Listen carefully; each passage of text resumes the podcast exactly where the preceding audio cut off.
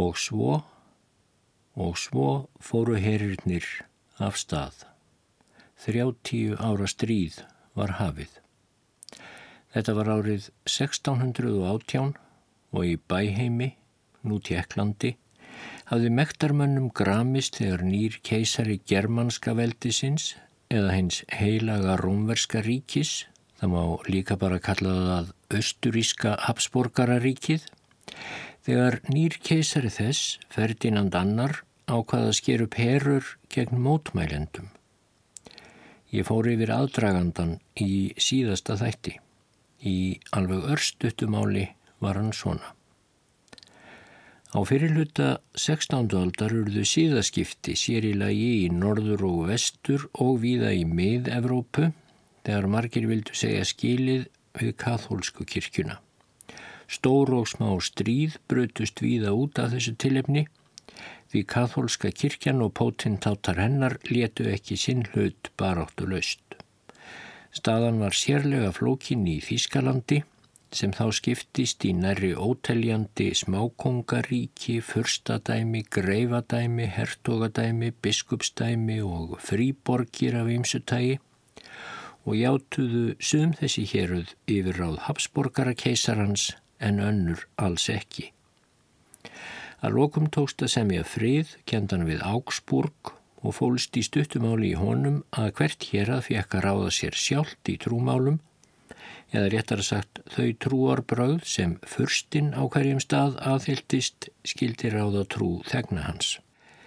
Þegar kom fram á 17. öld var spenna farin að aukast á svæðinu og þá var það sem Ferdinand Keisari ákvaða hefjast handa um að knésetja mótmælendur í bæheimi en þar höfðu svo nefndir húsítar lengi ráðið mestu og voru reyndar komnir á legg á undan þeim lútersku og kalvinísku mótmælendum sem spruttu upp á 16. öldinni.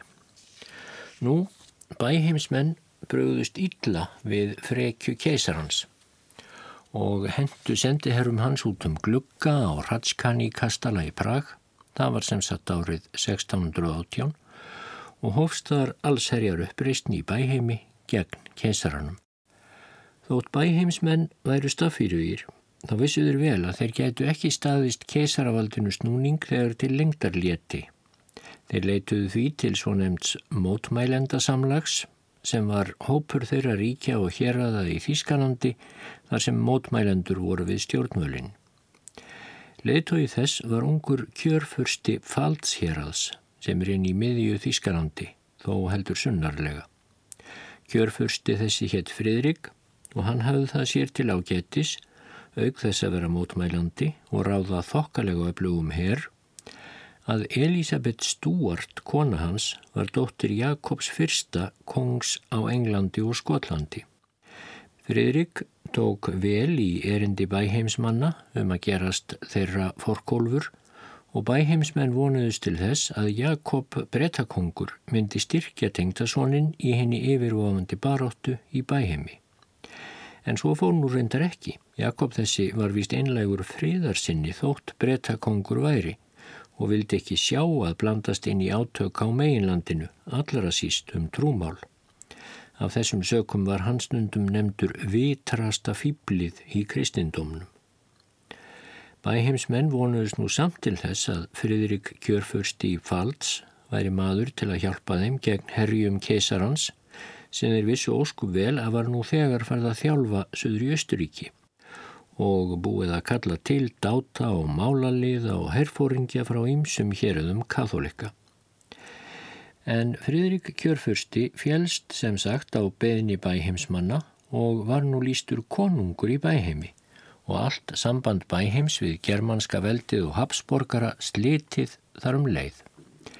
Friðrik var kryndur með heilmikilli viðhöfn í Prag í november 1619 og haldið var upp á valdatöku hins nýja kongs með glæsilegum veistlum í höfuborginni en út um sveitirnar voru eldar stríðs þá reyndar þegar farnir að loga því herrflokkar katholika voru komnir inn fyrir landamærin og leituðu upp í mótmælendur til að fá þá til að játa pápísku eða treyð við pávan í Róm en vera drefnir ella.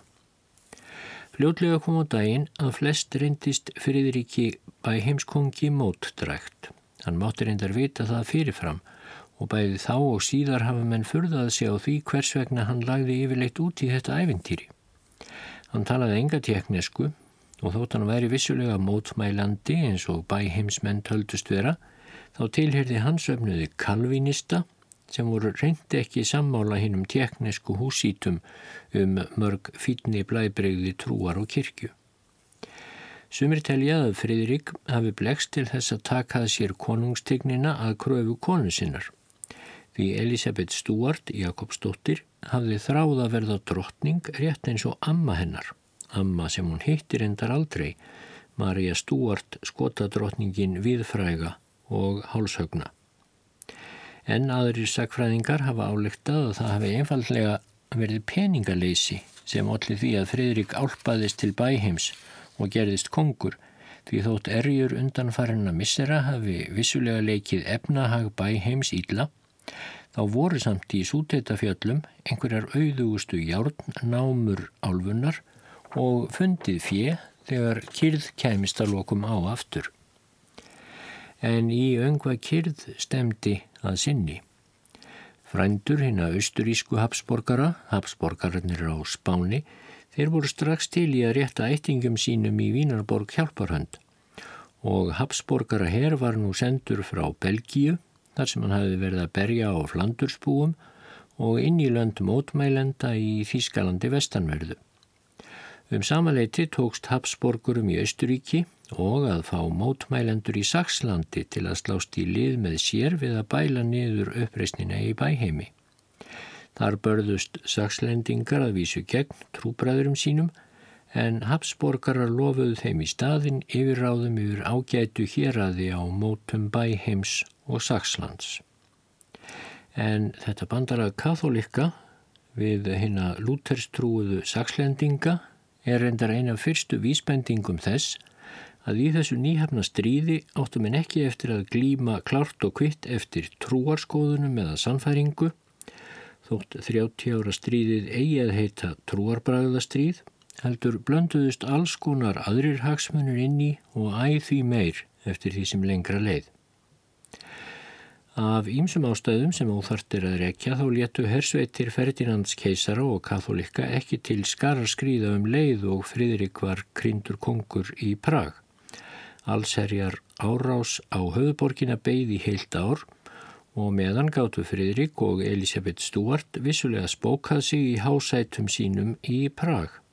En vissu vel að glóðum elds var sapnað að höfðum þeirra og ítla gekk að afla þeim bandamanna en í byrjun november 1620 töldu yfirfóringjar keisarahersins sig nógu sterka til að stefna loksins rakleitt til Prag. Að nafninu til var herin undir stjórn kjörfurstans af Bæjarlandi sem Maximilian hétt.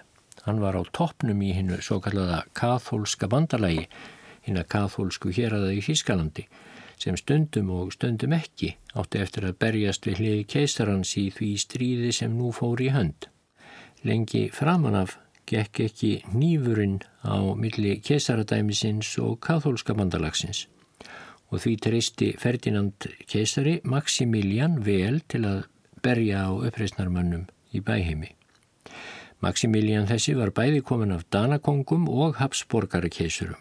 Mér sínist af málverkum að hann hafi til dæmis haft til að bera hérna gríðar miklu og mjög svo innræktuðu höku Habsborgarna og frekar ólánlegan vöxt þeirra sumra. En Maximilian þessi var reyndar líka náskildur fyrir Eiríki kjörfursta í Pfalz sem hann átti nú að rekja af konungstóli í Prag. En jafnharðan, og ég hef nú kynnt hennan Maximilian fyrsta í Bæjarlandi til sögunar, þá er hann aftur úr sögunni og þeir skulu flíti ykkur að gleima honum og allir þessari höku hans svo hann tröfl ekki frásögnina neitt hérðan í frá. Því það var endar annar maður sem stýrði í raun herrferðinni til Prag og benti hermönunum hvert er ættu að fara. Og þar byrtist á sjónarsviðinu í fyrsta sinn einn af helstu leikendunum í 30 ára stríðinu og einn frægasti kallin á vývöldunum. Sámaður hétti rauninni Jóhann Tserkles, fætturinn í kathólska fjölskyldu, þar sem nú heitir Belgia. Vallóni myndum við nú segja að hann hafi verið. Jóhann Tserkles fættist í þorpinu Tilly, skamtsunnan borgarinnar Brussel og Tilly er líka ekki nema steinsnar frá öðru þorpi sem komst rækilegi fréttinnar næri tveim öldum setna, Waterloo. En spænsku hapsborgarnir réðu þá Belgíu og hinn kathólski Jóhann Tserkles, sem raunar hlaut mentun sína hjá hinnum ströngu jesuítum, hann gerðist hermaður og vegum hapsborgara og þótti til dæmis ganga mjög hraustlega fram þegar spænski hapsborgarherin satt um Antwerpen 1685 sem endaði með því að mótmælendur í borginni þurftu að röklast burt heldu þeir þá norður á bógin og komu fótunum undir Amsterdam sem fram að því hafði ekki verið í hópi merkustu bæja Hollands. Tserkles gekk síðan í þjónustu austurísku hapsborgarana og barðist á þeirra vegum gegn Tyrkjum í Transilvaníu og víðar. Um tíma má líta á Tserkles sem réttan og sléttan málaleiða en hann þótti svo öflugur og flinkur herfóringi að 1605 hafði hann verið semdur tegn Marskálks í herr Habsborgarna. Þegar Þýsku ríkin fóru svo að skipa sér í fylkingar, mótmælenda og katholika til að bregðast við uppreysninni í bæheimi, þá var Serkles, Marskálkur, skipaður einn af æðstu fóringjum hersveita kesarans. Hann var orðin 60 en enn í fullu fjöri og það var sem sagt Serkles sem stýrði í raun þeim herr sem kathólska bandalagið og Ferdinand keisari sendu inn í bæheim haustið 1620 til að leggja Prag að nýju undir keisaravaldið. Þann 8. november mættust hersveitir Tserkles annarsvegar og Fridriks konungs hinsvegar við svo kallað Kvítafjall í 7 km fjarlagð frá Prag. Tserkles hafði 25.000 manna lið sem kom bæði frá keisaraherr Habsborgarana og katholsku ríkinum í Þýskalandi, auk þess sem væn hluti dátana voru einfallega málaliðar, menn á kaupi við að berjast.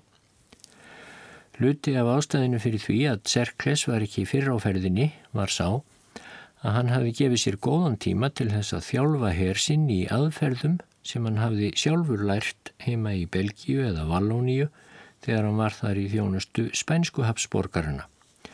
En spánverjar höfðu þjálfað og slípað mjög herrfylkingar sem þeir nefndu tertsjó og voru ill sigranlegar í bardögum þær aldirnar. Þetta voru fótgönguliðar, þar sem bissuliðar með framhlaðninga þess tíma, svonumda musketa, unnu náið með kesju eða spjótasveitum þannig að kesjumenn ímist sóttu fram eða vörðust meðan skitturnar hlóðu framhlaðninga sína og hleyftu af. Gegn hinnum 25.000 þrautþjálfuðu tertsjóliðum Tserkles þá gáttu menn Friðriks konungs ekki teltnum í hæstalagi 15.000 manns og líklega voru þeir heldur færri. Þeir voru þreyttir, lúnir og lítið baráttu þrek í þeim. Það var ekki Fridrik Kongur sjálfur sem stýrði hernum en það kunni hann lít til hernaðar heldur voru dátar bæheimsmanna undir stjórn annarsvegar hertugans af Anhalt og hins vegar Jindrich Matjas, hins tjekkneska greifa af Turn, eins þeirra sem höfðu eins og hlustendum er auðvitað í ferskuminni, gengið harðast fram við að henda sendibóðum keisarans út um gluggan í Hratskanikastala tveimur árum fyrr.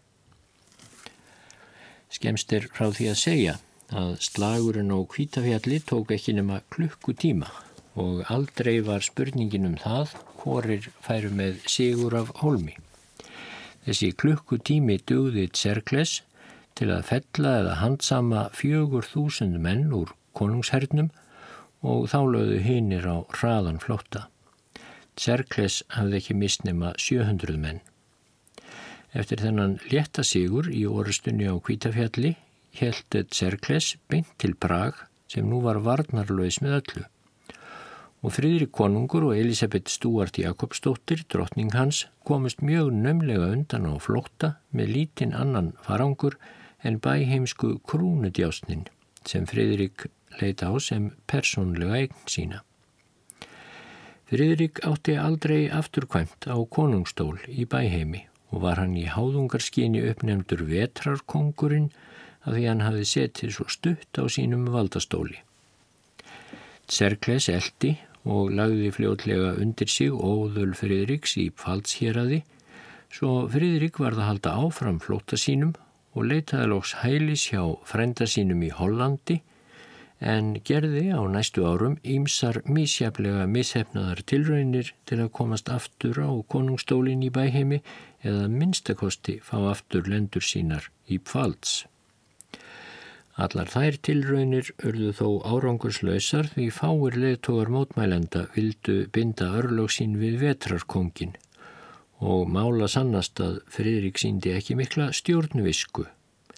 Þegar hún hafði til dæmis tekist eftir mikið bænakvag að herja háar fjáru upphæðir frá Jakobi Englandskonungi, tengdaföður sínum og frendum sínum í Hollandi og hvað styrfa fyrir þetta til þess að ráða sér nýjan og öflugan herr málaliða til að ná aftur rétti sínum í Pfalds og Bæheimi, þá eittan fyrir í staðin í að byggja sér afar íbörðarmikla sumarhöll þar sem heitir Renen í Hollandi og þar undi svo vetrarkongurinn eitt sumar við að reyka um fagra og víðáttu mikla garda og veiða dýri nálægum skóarlundum millir þess sem hann vældi yfir örlugum sínum. Svo skemmtilegt sem það nú er, ef skemmtilegt er þá rétt orðið, ég veit það ekki alveg, þá vil nú svo til að afkomendur þessa vetrarkongs sitja nú í öllum hásætum Evrópu það sem á annað borði er ennþá kongafólk við líði. Þannig var nefnilega mál með vexti að Fridrik og Elisabeth Stuart áttu fjölda barna og svo yngsta af fjórum dætrum þeirra sem uppkomst hétt Sofía. Sofía þótti eldskörp, forvitin og klár, ólíkt til dæmis linguheilanum föður sínum og gagnkunnug var Sofía verkum helstu heimsbygginga 17. aldarinnar, svo sem Runitu Kart og Barúk Spinoza, auk þess sem hún skrifaðist alla æfi á við megin snillingin Gottfríd Leibniz. Ég lít þá reyndar í þessu sambandi að skjóta því að að í orustunni á Kvítafjalli sem réði örlögum foreldra Sofíu, þá var Runitu Kart reyndar í liðið Serkles ekki sem hermaður, heldur sem einhvers konar vottur fyrir káþólsku héröðun í Niðurlöndum. En Sofía Fridriksdóttir, vetrar kongs, er þó allra frægust ekki fyrir gáfur, svo sjálfgjafar sem þær nú voru þá og eru enn í konungsættum, heldur fyrir það að þegar breska konungsættin var að deyja út um aldamótin 1700, nema helst einn pápísk grein hennar, og brettar vildu undir öngum kringum stæðum pápískan kong, þá leituðu þeir aftur í ættir að kongi eða drottningu af mótmælenda síð sem duppamætti upp í hásættið og þá staðnæmdust þeir eftir miklar flækjusögur við Sofíu Friðriksdóttur og vegna þess að hún var komin af Jakobi kongi þá var hún á gamalsaldri útnemd ríkisarfi á Breitlandi. Svo fór að Sofía dó 1714 áður en hún gæti tekið við drottningardómi á Breitlandi en sonur hennar og kjörfurstans í Hannover var þá kryndur breytakongur, Georg Fyrsti og er Karl III núverandi breytakongur afkomandi hans í 11. lið og því afkomandi Friðriks Vetrarkongs í 13. lið og svo er sem sagt held ég allt annað kongafólk í Evrópu líka komið frá vetrarkonginum lukkulöysa. En nú er ég komin langt fram úr sjálfum mér. Þar var komið hinn í raunverulegu sögu við blábyrjun 30 ára stríðsins að Jóhann Tserkles, marskálkur kathólskra, hafði rakið Fridrik burt frá Prag og þar með má segja uppreist mótmælenda í bæheimi hafi verið fyrir bí. Þeir hefðu ekki frekara afl til að berjast gegn kathólska bandalæginu og keisravaldinu en það var sá stuðningur sem þeir fengu frá fylgjum og ríkjum mótmælenda í Þískalandi í bestafalli hálfvolkur og valla það. Katholikar og keisaramenn tóku höndum alla þá sem taldir voru leðtogar uppreysnarinnar og ekki náða að komast undan á flótta eins og Fridrik Vetrarkongur sjálfur og til að mynda Jindirits Mattias, greifi af Túrn sem flúði til hinnar lútersku svíþjóðar. En næsta sumar í júni 1621 þá var hafist handaðum að taka þá af lífi þessa leðtoga uppreysnarmanna. Þó keisarin Ferdinand teldi sig fara í einu öllu eftir bóðum hins kærleiks ríka Jésu Krists eins og Pávin tólkaði þau bóð, þá var ekkit verið að fyrirgefa of mikið og nú var 27 leðtóum uppreysnarmanna ekki fyrirgefið neitt og þeir voru ímist hálsögnir eða hengdir eða murkað úr þeim lífið með ýmsum fjölsgrúðugri hætti. Jan Jesenius læknir mátti til dæmis þóla að tunga hans var fyrst slitin úr honum og svo þegar hann hafi kvalist nokksamlega vegna þess, þá fyrst var hann hálsökun og svo var lík hans limaðs undur og bútunum komið fyrir á stöyrum á torkinu í Prag þar sem aftökurnar fóru fram að viðstötu fjölmenni. Hausar margra þeirra hálsögnu voru reyndar hafður uppi á spjótsottum í Prag í heilan áratug fólki til viðvörunar. Jesenius þótti verðskulda harðari refsingu en aðrir vegna þess að hann hafi rekið stífan áróður fyrir því að ungverjar segðu líka skilið við keisaradæmið og svo hafi Jesenius skrifað bækling sem bar heitið Provendikis kontra Tyrannos sem þýðir getur fólkið steift af stóli harðstjóra.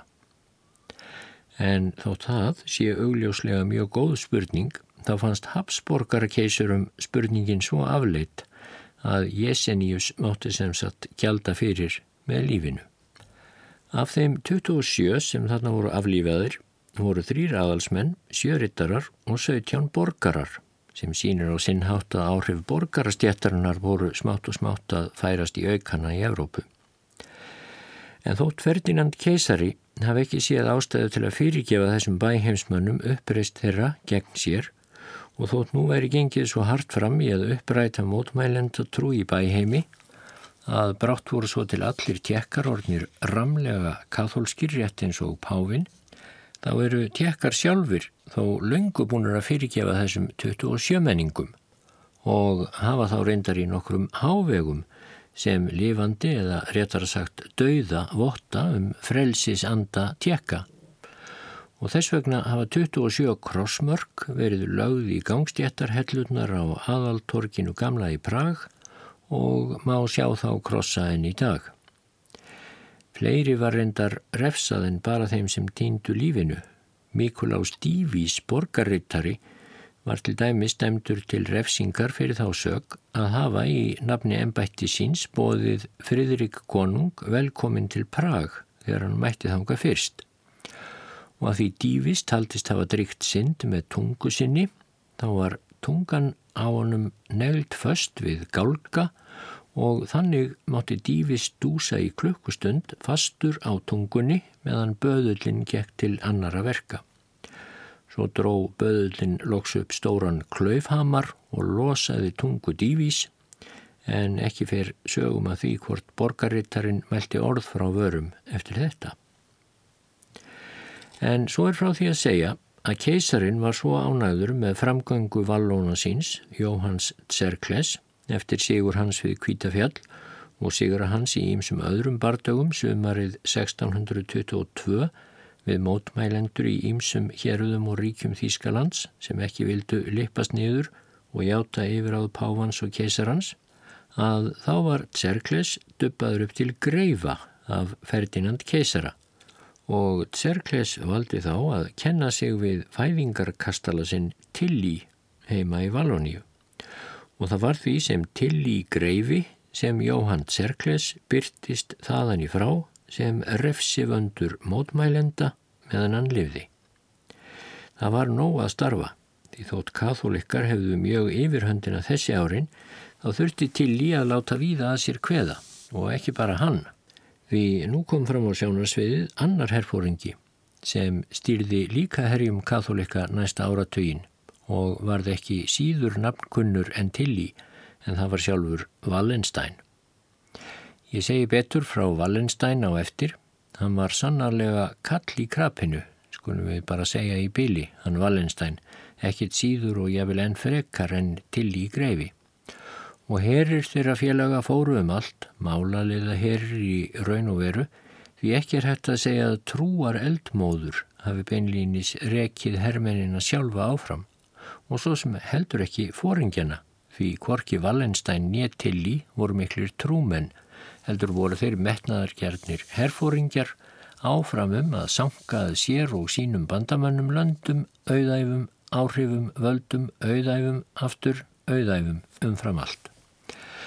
Þeir fóru um sveitir, Wallenstein og Tilly og nokkrir fleiri slöttólvar rétt eins og þeir, rændu og ruppluðu og börðu og mistyrmdu og nöguðu, stálu öllu steini léttara, skildi eftir sig sviðina jörð kvarvetna, lík í moldinni, sundur limað fólk, andlega sem líkamlega, herir sem breyttu út sjúkdóma og pestir, Það var mest að furða að Evrópa skildi lifa þetta 30 ára stríð af en sum lifðu af eins lengjuðu í gátum út er Courage og börnin hennar til dæmis sem fóru um á vagnir sínum í leikriti Bertholds Brechts og Margarete Steffín sem þjóðlikúsið ætlar brátt að fremsýna.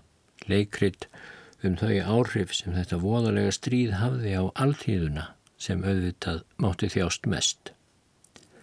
En þegar komið var fram á miðjan þriðja áratug 17. aldar Þá var endar útleitt fyrir að stríðinu kynibrátt að ljúka, einfallega því að mótmælendur virtust ekki lengur hafa þreg til þess að verjast mannum eins og Wallenstein og Tilly. Þeir fóru þá um einna helst eins og rómverskir herfóringjar þegar borgarastríð voru sem hörðust í Rómaveldi löngu fyrr. Þeir lutu kannski að nafninu til yfirbóðara sem var keisarin en voru þó nánast sjálfstæðir stríðsherrar. En þá, einmitt þá, kom fram á sjónasviði maður sem taldi sig nógu öflugan til að standast þeim Wallenstein og til í snúning og reysa upp fallandi merki mótmælenda og sá kom úr óvæntri átt. Hann kom ekki úr söðvestri frá Fraklandi, þótt frökkum væri hægt að lítast á blikuna. Hann kom ekki úr vestri yfir Ermarsund frá Breitlandi Hann kom ekki að austan úr sléttumannalandi, nei, hann kom að norðan, að norðan og þó var hann ekki Gustaf Adolf Svíakongur því hann kom ekki til sögunar fyrir henni setna. En þessi maður kom jú að norðan frá Danmörku og það var sláttur á honum, heilmikill sláttur. Þetta var Kristján Fjörði Danakongur og næstu árin í 30 ára stríðinu voru árin hans.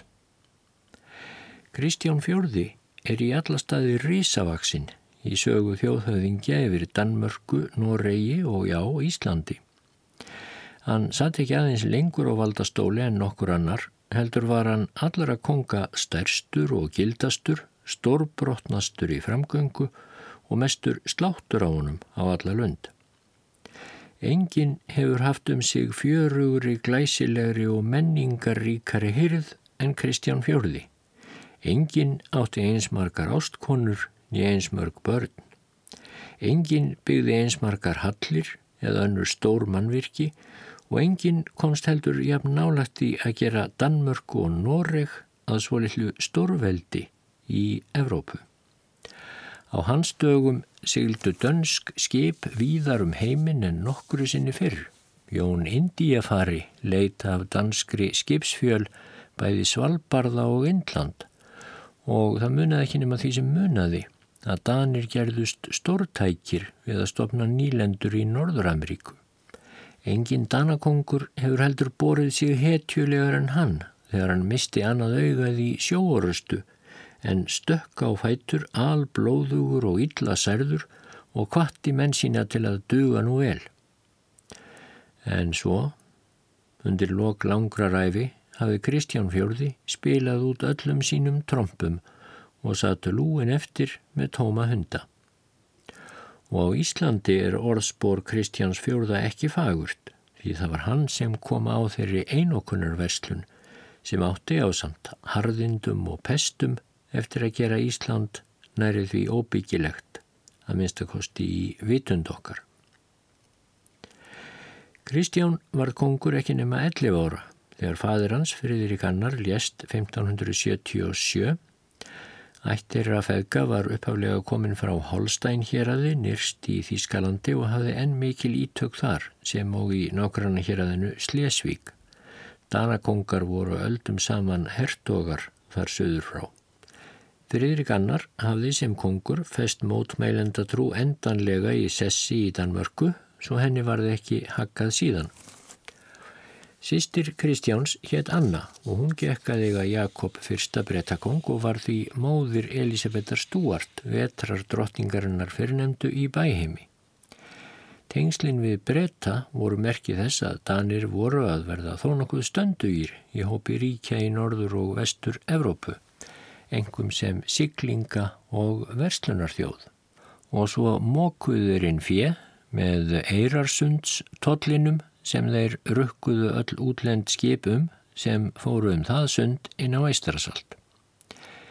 Hinn ungi Kristján Danakongur ætlaði sér sannarlega að ebla enn prakt Dana og pomp. Sagt er að öll Evrópa hafi pískraðum óhófið í veistlunni þegar hann var kryndur, þegar hann var orðin myndugur, en þar voru steikt 1700 svín og 1200 gæsir. Þá pantaði hyrðin 35.000 kristalsglös fyrir vissluna því síður var að brjóta glösin eftir að þau höfðu verið tæmt. Kristján sjálfur var gífurlegur drikkjumadur og þótti geta innbyrt ótrúlegt magna af áfengi áður en verulega fór að Hallandan fæti hjá honum. Enskur sendimaður skýrði einu sinni svo frá að við veistlu í Glukstad, söður í Holstein, hefði hann talið 35 stóra byggara víns sem Kristján Kongur hefði drukkið. Vissulega þurfti þá að bera kongi í sengina að lokum en eldsnemma var hann mættur í veiðferð státin sem stálfjöður. Árið 1606 fór Kristján í heimsókn til Jakobs Máksins í London og var svo heimsókn færði í breska annála því brettar höfðu aldrei séð annan eins drikkjubolta og danakong. Aðtiklisvert er að í London gæti Kristján við þetta tækifæri hafa séð heið mjög svo nýlega leikrit William Shakespeare's um hinn villuráfandi Danaprins Hamlet sem frumsýnt var um þær myndir. En ef Kristján hefur farið að sjá leikin um hinn ákvarðana fælna landa sinn, þá hefðunum áraðanlega þótt að fyrst og fremst hlægilegt Því aldrei skorti Kristján fjörða ákveðni eða dugnað við ákvarðanir. Og hann var sístarfandi og komst yfir margt. Það er að segja framan af degi áður en drikjan hófst. Að mörguleiti þótti Kristján Kongur viðkunnanlegur í öllum sínum kostum og göllum en stór ljóður á ráði Kristjáns í augum nútímans hlýtur þó að vera að hann tók af ástríðu þátt í galdraofsóknum þess tíma og hvatti mjög til þess að galdranornir væru brendar á báli.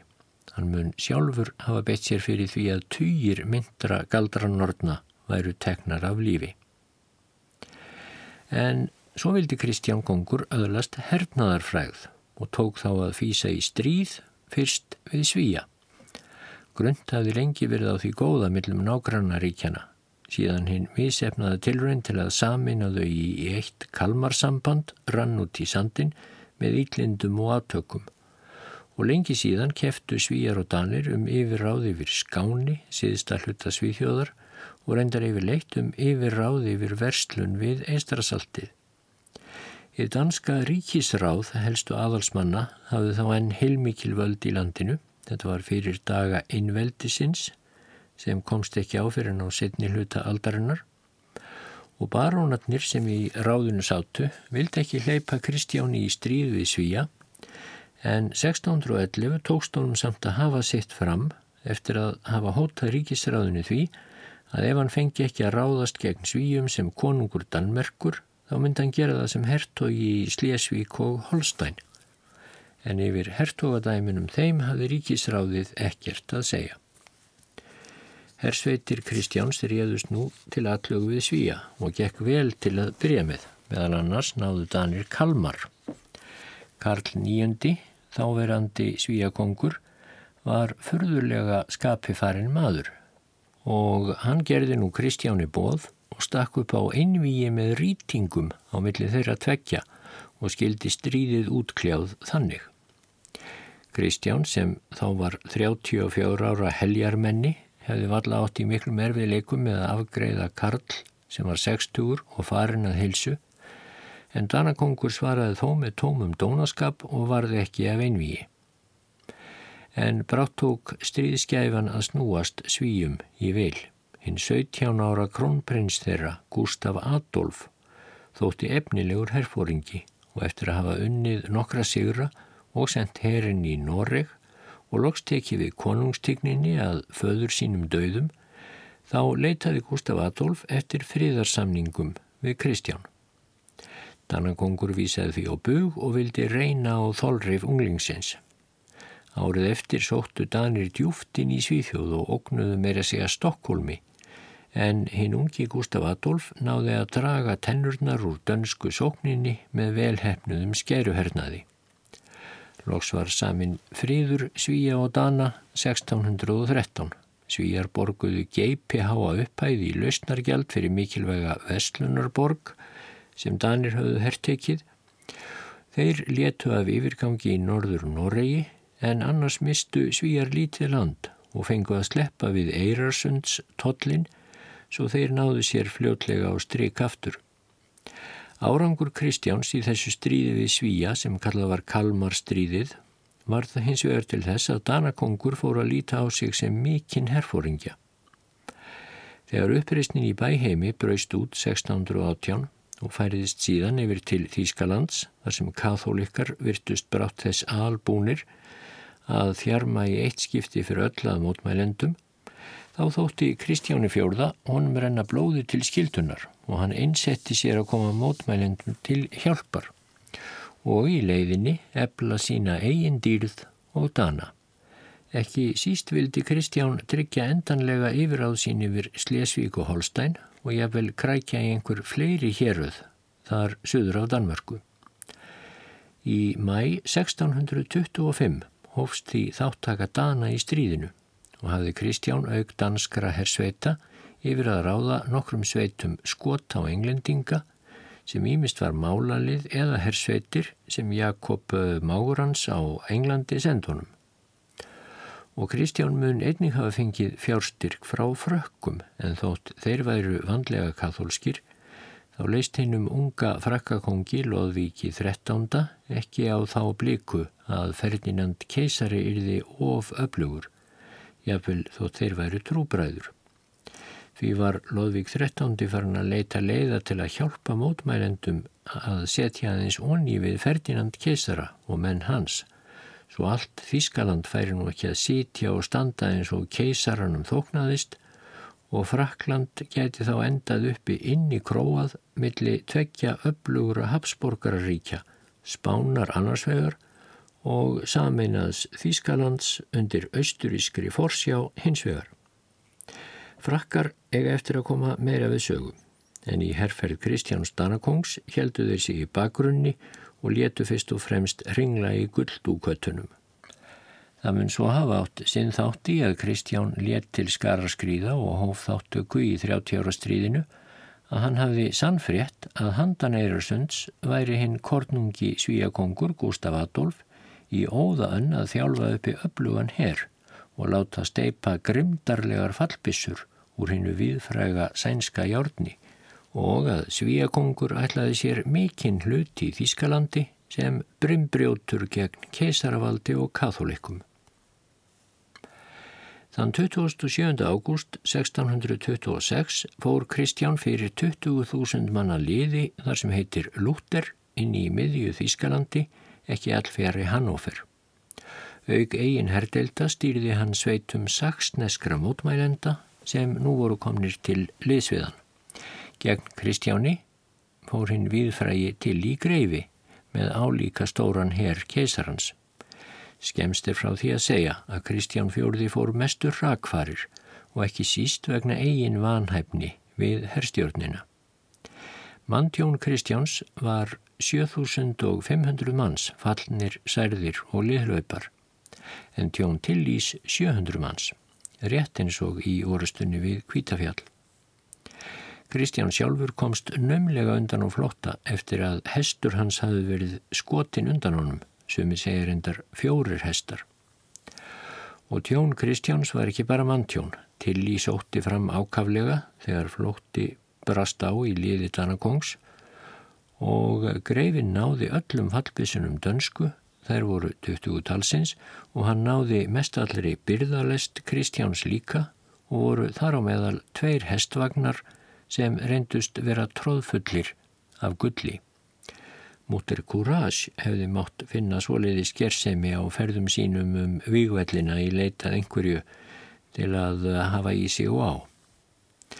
En þessi afgerandi ósigur var mikið áfall fyrir Kristján. Það segi sig sjálft og hann virðist hafa verið alveg óvið búin þessu og rökklaðist nú norður í land og vissi bersínlega ekki hvað hann átt að taka sér fyrir hendur næst.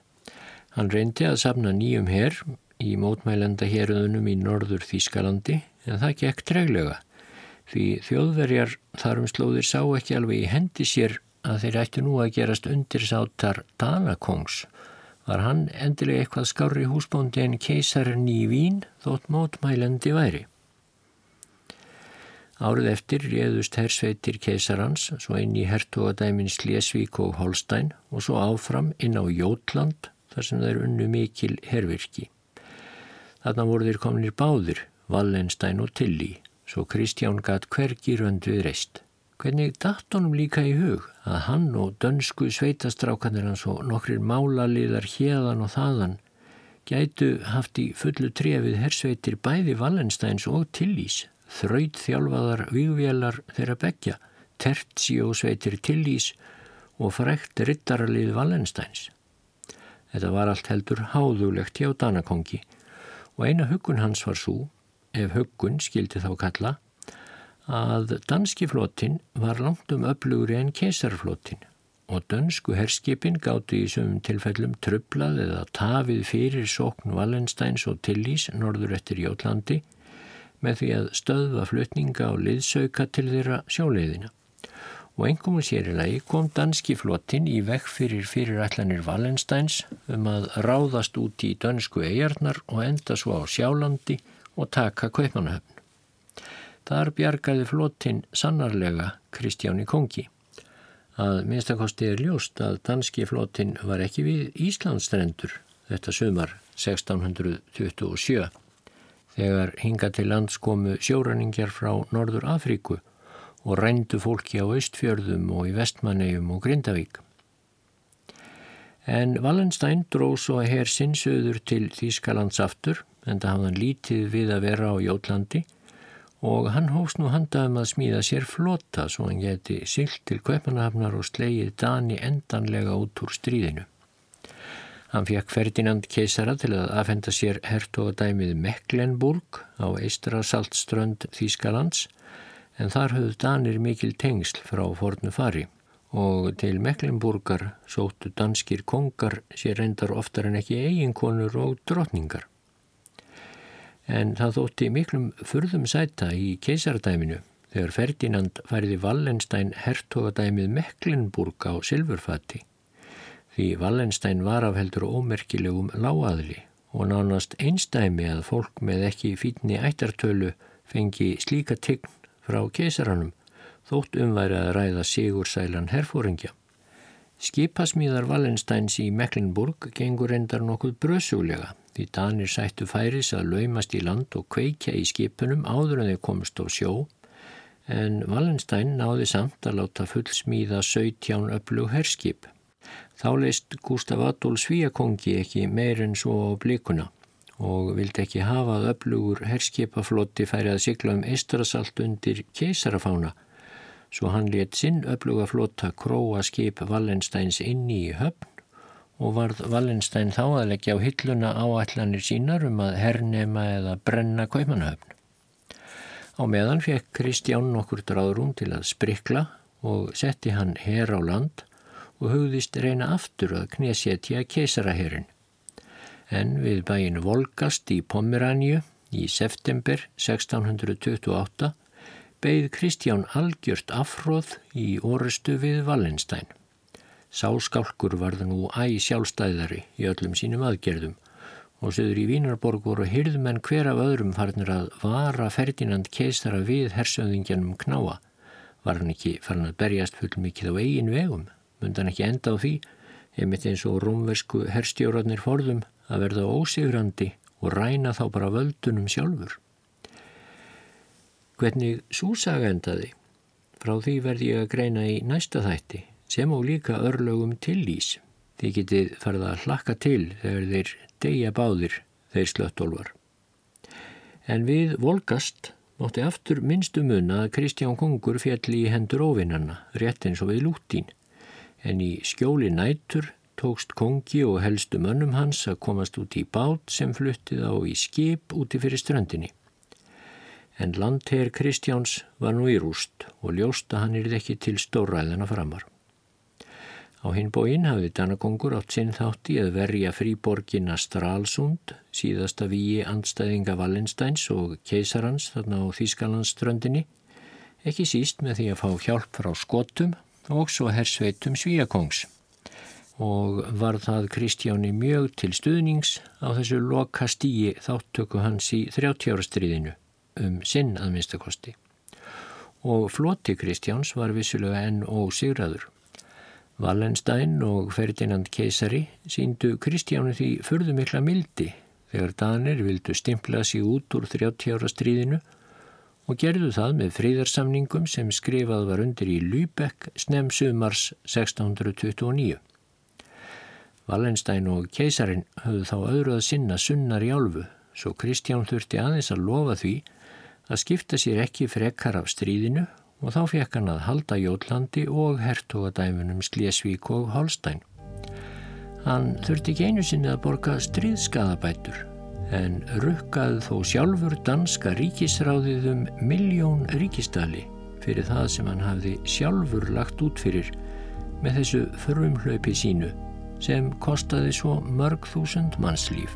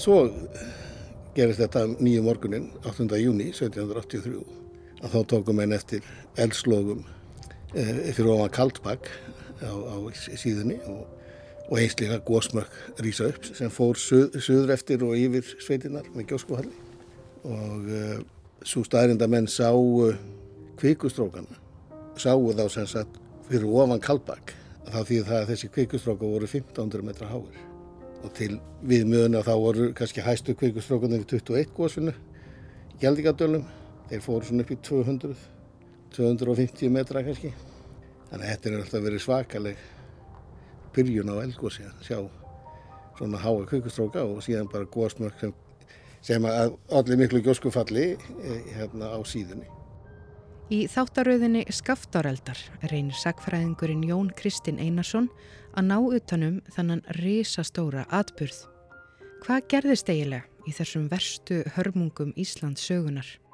Þú finnur skaftárelda í spilara rúf og á öllum helstu hlaðvarsveitum.